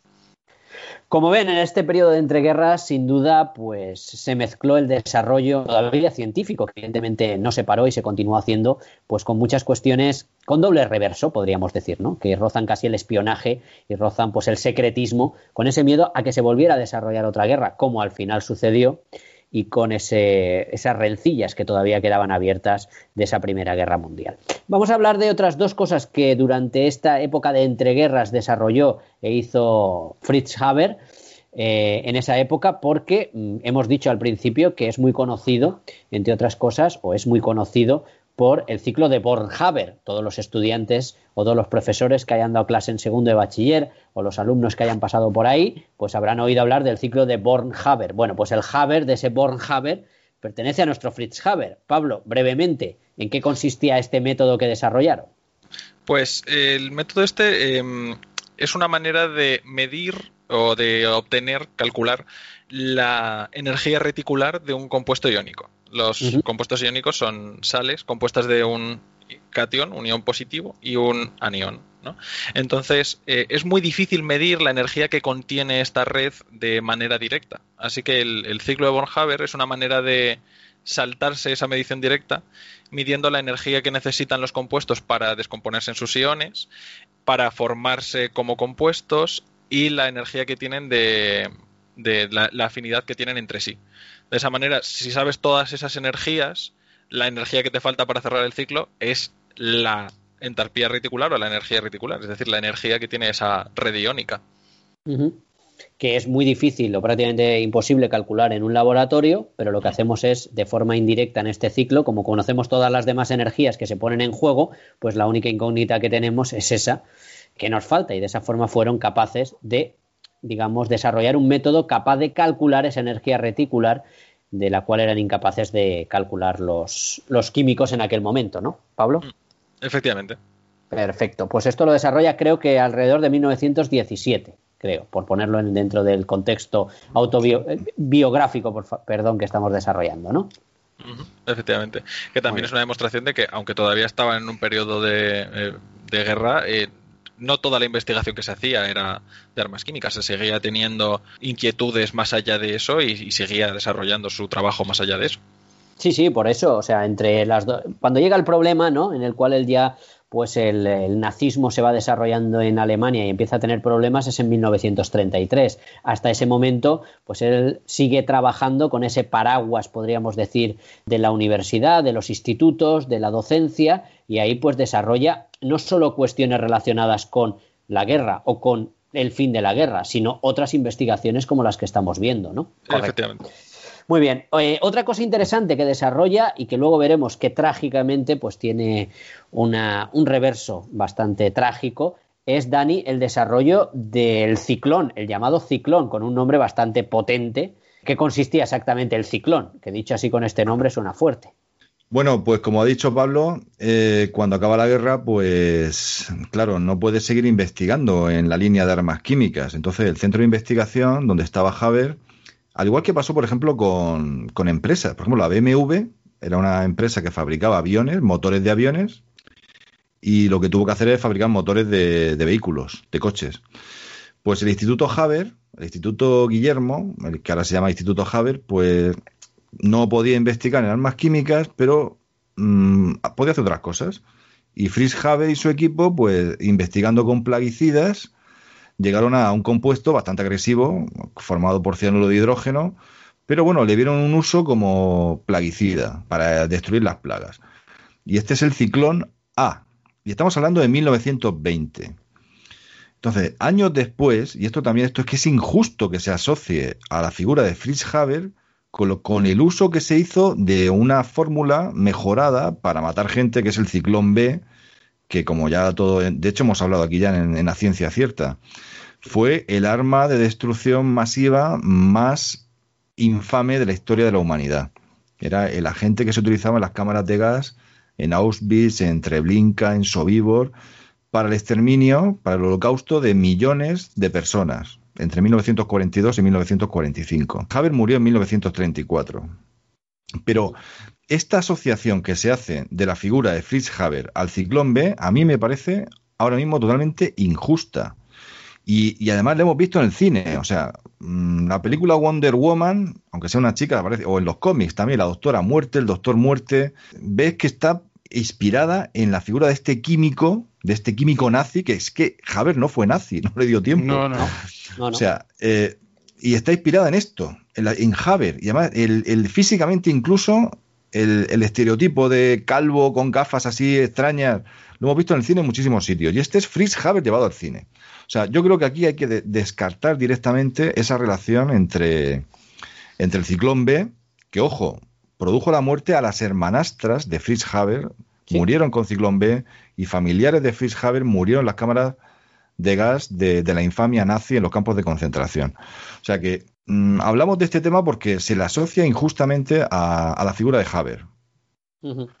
En este caso, de hecho, eh, fijaros hasta qué punto eh, realmente la figura de Haber deja de estar asociada a las armas químicas a, partir de cierto momento, que Haber, cuando vio lo que los nazis empezaban a hacer en 1933 con los profesionales judíos en las universidades, por ejemplo, realmente que el tema de la leyenda negra hay que matizarla mucho. Él, por ejemplo, estaba completamente en contra de los despidos de los, de los profesores judíos del instituto donde él trabajaba y en general de la universidad. Y por todos los medios, cuando le ordenaban despedir eh, gente, él hacía todo lo posible para retrasarlo eh, todo lo que podía. ¿eh? Es decir, estamos hablando de una personalidad muy compleja. ¿eh? No podemos negar los aspectos oscuros de su personalidad, pero tampoco todo era, o sea, todo era oscuro ni muchísimo menos, ¿no? Y también era muy amigo de Albert Einstein, ¿verdad? Y, nunca y se va muy bien con alguien tan pacifista. es curioso porque mantuvo una relación estupenda con Einstein siempre. De pues hecho, leí en un, en un, artículo leyendo sobre Haber que cuando Einstein tuvo problemas en su matrimonio con Mileva, una de las personas a las que consultó fue Haber, que tampoco es que tuviese un matrimonio súper exitoso, pero... No, muy, mucho ejemplar en ese aspecto no era. No. era. Pero, bueno, de todas formas, creo que es muy conveniente lo que estamos haciendo en este punto, ¿no? Claro, eh, mira que a Haber se le pueden acusar de ciertas cosas, pero no lo podemos utilizar, como dice Daniel, como arma arrojadiza contra todo. O sea, en este caso, que los nazis utilizaran luego el ciclón B, ostras, pues en eso no tiene nada que ver, evidentemente, Haber, que desarrollara el ciclón A en este caso, pero el ciclón A lo desarrolló no como un arma química, lo desarrolló como un eh, plaguicida. Es como, si ahora, como si ahora acusáramos a Liz Meitner de la bomba de Hiroshima y Nagasaki. Exacto. Exacto, mira, me encanta. Hay que, hay que, hay que haber utilizado el argumento de la justicia, que a decir, bueno, como este hombre había participado en tantas muertes en la Primera Guerra Mundial, luego fíjate que de la derivación de un gas inventado por su equipo eh, terminaron muriendo familiares suyos, ¿no? Sí. Eso sí se ha comentado, pero claro, él, ahí no tenía la culpa, él, estaba alejado ya de todo eso, de hecho murió, como decía Dani, muchos años antes. Sí, sí, no, creo que el, el, ejemplo que ha puesto Dani me parece fantástico. En este caso, Liz Meiner aunque en ese caso de Liz Meiner sí que hay más aspectos en los cuales era más antibelicista y demás, pero bueno, Liz Meiner descubrió que se estaba produciendo la fusión nuclear. Acusarla a ella por haberla descubierto o por haber entendido qué pasaba ahí de los crímenes o de las muertes que se produjeron por la bomba nuclear, pues me parece igual de absurdo que en este caso, ¿eh? que en este caso del ciclón B. Lo que pasa es que alimenta un poco más esa, esa leyenda y el hecho de que familiares suyos murieran en la cámara de gas, pues crea un poco pues ese aspecto más novelesco, podríamos decir, ¿no, Dani? Creo que es todo el tema en el respecto. Bueno, pues el ciclón, que por cierto es una palabra alemana que designa los vientos huracanados, se le puso ese nombre por la eficacia que tenía violenta de ese pesticida basado en cianuro, pues para acabar con plagas y demás, y era pues muy desarrollado y muy utilizado. En este caso volvemos a lo mismo, claro, eh, el pesticida está ahí, si tú luego lo utilizas en una cámara de gas para matar judíos, pues oye, ahí ya no es lo mismo, ¿no? Evidentemente, ni muchísimo menos. Bueno, señores, vamos a hacer una brevísima pausa para ya volver y rematar el programa, porque nos quedan ya poquitas cosas que comentar, alguna cosa curiosa todavía, un pequeño debate que haremos a nivel un poco a lo mejor de esa leyenda negra, pero brevemente rematamos, volvemos enseguida aquí en la Ciencia Cierta y rematamos el programa.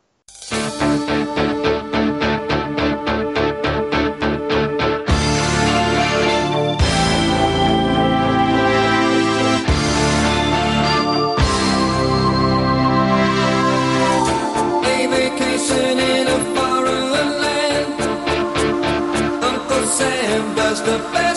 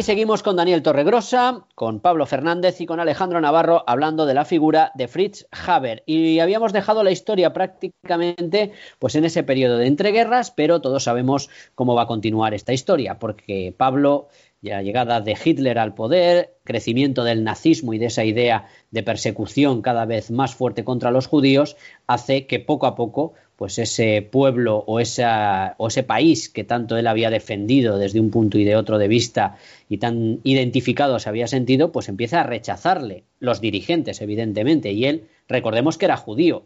una curiosidad, era judío, pero fijaros si lo tenía guardado, que sus hijos no se enteran que eran de ascendencia judía hasta que el padre les dice que tienen que huir por los problemas que tienen, porque les persiguen. No sabían ni que eran judíos, para que veáis que él ni practicaba esta religión, ni muchísimo menos. Pero No, no. Pablo llega al año 33, creo exactamente, en el cual tiene que, las cosas se ponen ya muy feas, ese paraguas que tenía un poco que le paraba un poco a nivel de institucional por el tema de la universidad y del instituto, pues desaparece y las cosas se ponen tan feas que huye. ¿Es así, Pablo? Efectivamente, ya lo ha comentado, lo han comentado Alejandro y Dani que él hizo mucho por evitar que a sus compañeros judíos les expulsasen de la universidad, pero hubo un momento en el que ya no, no había nada que hacer y cuando empezaron a ir también a, por aquellas personas que tenían ascendencia judía, pues bueno, él se vio obligado a huir. Originalmente tuvo una parada en Cambridge, eh, donde dio algunas clases y, y donde bueno, fue recibido regular y creo que la mejor muestra es que Rutherford se negó a darle la mano al saludarle a su llegada a Cambridge por su implicación en, en la Gran Guerra. Sí, señor. Y, y al final le surgió un, puesto nuevo en, la universidad, en una universidad en Israel, así que fue allí a donde se dirigió. En esta época se había ya establecido más o menos una red de ayuda a las personas judías que, que huían de Alemania o huían de Europa, sobre todo en dirección a Israel, y, y cu- cuando decimos lo de la leyenda negra, ya, ya le estaba surgiendo en esta época porque hubo gente que se negó a, a ayudarle a él en concreto. Entonces su viaje fue un poquito más accidentado de lo que debería haber sido. Hizo una parada en Suiza antes de, dirigirse a, Israel y fue allí en Suiza, en, en Ginebra, donde finalmente murió en el 34, un año después de haber empezado a huir. Sí, concretamente muere el 29 de enero de 1934, abrazado al cilindro que utilizaba para dilatar sus arterias coronarias debido a ese problema que tenía cardíaco eh, y que iba arrastrando y que cada vez se estaba agravando más. De hecho, ir a Israel era también buscar un clima ya no solo a nivel social, mejor y más favorable, sino también un ambiente meteorológico mucho más estable sin ese frío invernal que había en Inglaterra, aunque para frío pues la recepción de Rutherford y compañía, podríamos decir. Muere en Basel en 1934, evidentemente su relación con el nazismo, que muchas veces se habla, es nula, de hecho tuvo Nula, que huir. nula. Claro, Claro. Alejandro, tuvo que huir. Nula, nula, nula, nula. Absolutamente nula. De hecho, fue, se hizo bastante amigo de Chaim Weizmann, el, uno de los padres fundadores del Estado de Israel. Entonces, eh, realmente no tiene nada que ver con, con los nazis, vamos, nada, nada en absoluto. Nada en absoluto. En fin, hasta aquí la vida de Fritz Haber y ahora si os parece vamos a comentar alguna curiosidad o algún aspecto más relacionado con pues esa leyenda negra, ¿no? Hasta qué punto pues es necesario no para ir rematando el programa. Así que decir, y yo quiero empezar con este que me parece bastante representativo porque hemos comentado que hay cosas que se les puede achacar, bien es cierto que dentro de un contexto verdaderamente importante y hay otras pues que simplemente pues pasaba por allí o no tiene nada que ver prácticamente, ¿no? Pero en cuanto a la relación de la mujer que hemos hablado al principio, él siempre se estuvo acordando y mucho de su mujer e incluso decía que se le aparecían sueños y demás y que la tenía ahí pues clavado a esa, esa pérdida que había tenido y sí que decir como curiosidad que cuando muere, entre las pocas cosas que tiene en Basilea, junto a él, sus pocas pertenencias, hay una carta, una carta escrita a su mujer. En ella le confiesa que siente una culpa insoportable, pero una culpa, curiosamente, no debida a lo que había producido a lo largo de la guerra o a las muertes que se habían producido debido a la guerra química, sino que curiosamente él tenía esa culpa porque creía que el método que había desarrollado para extraer ese nitrógeno del aire había alterado de tal forma el equilibrio natural del planeta que en un futuro, en un futuro, las plantas dominarían el mundo. Incluso aparecerían, desapareceríamos nosotros de la faz de la Tierra porque las plantas tendrían tanto alimento para comer que prácticamente no dejarían espacio para nosotros. De hecho, dice que aprovechando el exceso de nutrientes que les habíamos dado para esparcirse, hasta cubrirían por completo la Tierra, ahogando todas las formas de vida bajo un verdor terrible. Esto te recordará un libro que está muy de moda hoy en día, ¿no, Pablo? Lo del verdor terrible. Efectivamente, eh, es un, un libro de Benjamin Labatut mu- muy interesante que yo, yo recomiendo mucho. Es verdad que no se centra tanto en Fritz Haber a pesar de tomar esta frase de él, pero es un libro muy muy entretenido. Sí, yo eh, me he leído la primera parte en la que habla sobre esta parte. Hay algunas cosas que hemos comentado a lo largo del, del programa de lo que hemos comentado, pero esa parte me parece verdaderamente bestial, ¿no? Eh, que el remordimiento era por el desarrollo de su gran éxito, ¿no? De, de- de que el remordimiento no le viene por los crímenes a la humanidad o por haber matado a gente en, eh, a nivel de ese desarrollo de la guerra química. El remordimiento lo tenía por haber dado alimento a las plantas hasta tal punto que podían cubrir toda la superficie del mundo y acabar con todas las formas vivientes animales distintas, ¿no? Tremendo. Bueno, señores, eh, podríamos utilizar los minutos que nos quedan un poco pues para debatir brevemente sobre conceptos un poco ya más allá de su vida, sobre conceptos sobre su imagen, ¿no? La imagen de este personaje. ¿Cuál es vuestra opinión? ¿Creéis que esa leyenda negra que hay alrededor de él es merecida? ¿Creéis que se ha alimentado demasiado esa leyenda negra alrededor de uno de los grandes químicos del siglo XX y que hizo cosas verdaderamente importantes, como hemos visto, para el desarrollo de la humanidad? No sé, comentarme un poco. Dani, ¿tú qué opinas? Bueno, pues lo hemos visto con Alejandro y con Pablo. Lo que se ha construido es un relato, un relato desde el punto de vista de alguien que perdió una guerra y alguien que ha ido más allá, más allá de lo que realmente hizo. El ejemplo con el ciclón B, o sea, se, se asocia el ciclón B a esta, a esta historia de contar que fue creado por un químico, que luego todos sus familiares murieron en las cámaras de gas, o sea, algo totalmente incierto, que es muy novelesco, es muy, muy de llamar la atención, pero que no hace justicia al personaje, ni mucho menos. Con lo cual tenemos aquí a alguien que realmente, pues, no digo yo que fuera una persona eh, maravillosa de la historia de la ciencia, No. como persona, pero a la, a la cual quizás le debamos estar vivos los que estamos aquí hablando ahora mismo o escuchando este podcast. Quizás, eso también hay que planteárselo. Quizás a él. Es fuerte. Es fuerte, sí. Pero yo creo que hay que, mm, si no justificar lo que hizo Fritz Haber, entender un poco todo su contexto, toda su infancia, adolescencia. Y bueno, que al final es que nosotros, por suerte, y que no- nunca lo veamos, nunca vamos a estar dentro de un sistema, en una guerra, donde estemos, tengamos que decidir qué hacer o sometidos a ciertas presiones. O sea, ojalá nunca lo veamos ni nosotros, ni nuestros hijos, ni nuestros nietos, nunca más. Por supuesto, por supuesto. Volvemos a lo que decíamos, Dani, el contexto. El contexto es tan complicado hablar desde fuera de un contexto, es tan complicado que vaya usted a saber lo que haríamos cada uno de nosotros en una situación similar o en una situación parecida. Hombre, lo de sí que es cierto que hay matices. Lo de arrepentirte más de lo de las plantas que lo de haber matado a unos cuantos en el frente, pues un poco fuerte es, las cosas como son. El hombre una hermanita de la caridad no era, evidentemente, pero el villano peor de la historia de la humanidad tampoco, podríamos decir. ¿No, Dani? Sí, básicamente. Pablo, ¿querías comentar algo? Yo iba a decir que, que además yo creo que es una cosa muy occidental el pensar en, en términos de bueno o malo, ¿no? Em, eh, yo creo que to- todos, eh, todos los seres humanos tenemos muchos matices. Al final, nadie es bueno en todos los aspectos ni en todas las cosas que hace en su vida. Y es muy fácil eh, destacar solo una de las dos facetas de una persona olvidando el resto. Pero en realidad, al final, eh, Haber era una persona complicada, pues como lo somos todos. Y, y yo creo que tuvo una implicación muy grande. O sea, es que la, la idea del patriotismo es- la- le hemos dado muchas vueltas, pero es que yo creo que él eh, de verdad estaba muy involucrado con, con esa idea y entonces él estaba muy centrado en que él tenía que servir a su país. Y por eso nos resulta complicado, sin, sin tener esa misma idea nosotros, meternos en su piel y entender un poco por qué hizo lo que hizo en cada situación. Sin duda. Mira, Dani, te voy a decir una frase que te va a gustar. La historia de la humanidad es la eterna lucha entre los buenos y los malos. El problema es saber quiénes son los buenos. ¿Y quién la dijo? Es que la oí en una película y nunca he sabido Vale, vale. ni qué película es ni quién la dice. Digo, a que me lo pregunta. Pero me acuerdo perfectamente de la frase.